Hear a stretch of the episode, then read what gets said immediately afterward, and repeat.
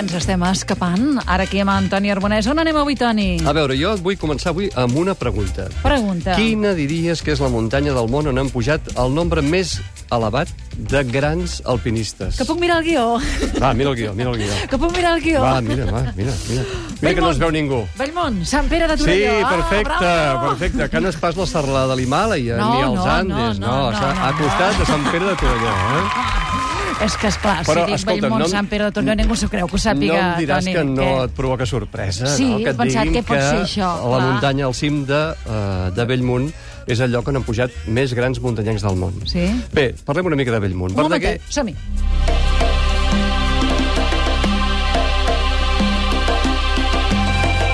Verdaguer. Ja som dalt, eh, ja som ja dalt. som dalt al cim. hem- Verdaguer deia, o es referia a l'ermita que hi ha al capdamunt de Bellmunt com l'ermita al cel suspesa, i certament quan t'hi quan acostes és una ermita que queda al capdamunt d'un eh, tossal de roca eh, molt impressionant, i quan ets en allà, voles. Estàs literalment sobre els núvols. Tu saps que Osona sovint està coberta pels núvols, doncs et crea una sensació estranya eh, d'estar allà dalt. Uh, S'hi accedeix per una carretera molt petiteta, d'uns 6 quilòmetres, des de Sant Pere, feta per la gent de Sant Pere els diumenges, amb donatius.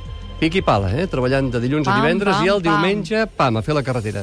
Molt bé. Doncs ja està fet. Aquesta carretera ens deixa aproximadament a 5 minuts de l'ermita, 5 minuts a peu, que no Sí, és pas sí, gaire. no és pas gaire. Ja ho caminem, ho caminem, I llavors arribem doncs, en aquest niu d'àliga del cim de Bellmunt, Oh. origen i destinació de molts camins. Ah, fixa't, eh? ja, ho- eh? no ho veus? Sí. La plana de Vic, Osona...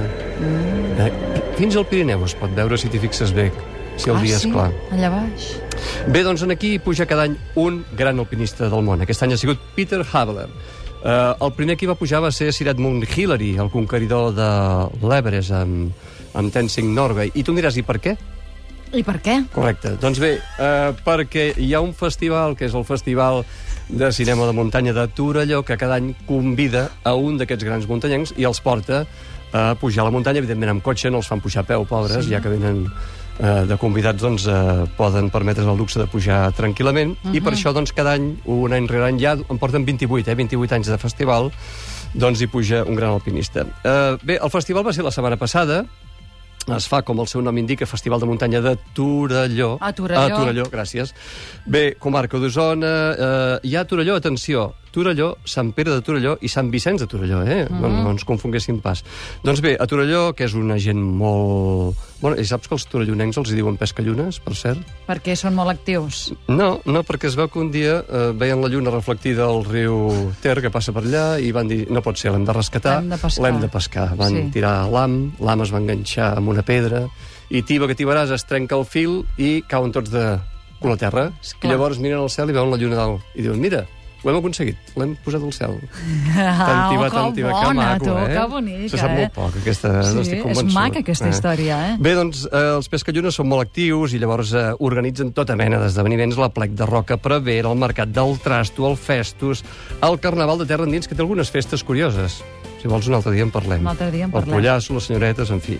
I el Festival de Cinema de Muntanya, que aquest any es va celebrar la setmana passada, es va culminar dissabte passat, i han concorregut 25 pel·lícules de 12 països. Pensem que és la 28a edició, és un dels tres festivals d'aquestes característiques més important del món. Això, en part, gràcies a l'ànima del festival, que és en Joan Salaric, el director, i eh, bé, eh, les pel·lícules que van guanyar en aquesta edició són dues pel·lícules extraordinàries que us recomano molt i molt si les podeu veure. El primer premi va ser per eh, el, el projecte de, de la torre Asgard, de- d'escalar aquesta torre impressionant de l'Àrtic, de la illa de Baffin, The Asgard Project, una pel·lícula anglesa del director Alastair Lee. És una cordada de gent doncs, que es llencen paracaigudes al mig de l'Àrtic eh, per escalar aquesta torre. Estan 12 dies en una paret vertical, com he dit, de 1.400 metres. Eh, això, a més a més, doncs, abans d'arribar aquí requereix un entrenament que també està enregistrat en la pel·lícula. Escalen Riglos, escalen Yosemite...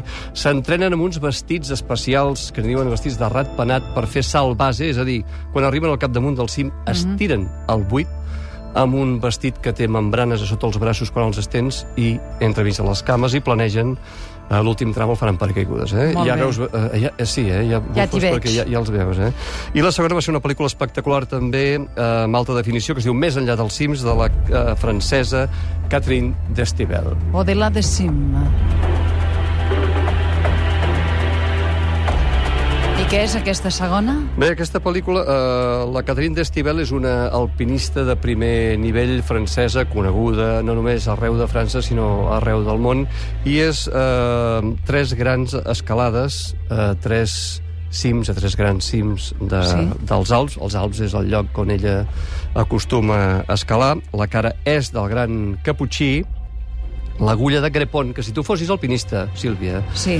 Recordaries una fotografia que fa molts i molts anys era la portada d'un llibre de muntanya amb el Gaston Rebufat, alpinista també eh, antic i conegut de, de, del món de la muntanya, i era eh, una agulla punxegudíssima amb un home dret al capdamunt. Eh? Pensa que t'hi caben els peus, eh? El, el, cim Només, del que- eh? Només. I llavors la Catherine d'Estivel, en aquest cas doncs, amb la seva germana, amb una de les seves germanes, escala l'agulla del Grepon i les dues es posen dretes al capdamunt.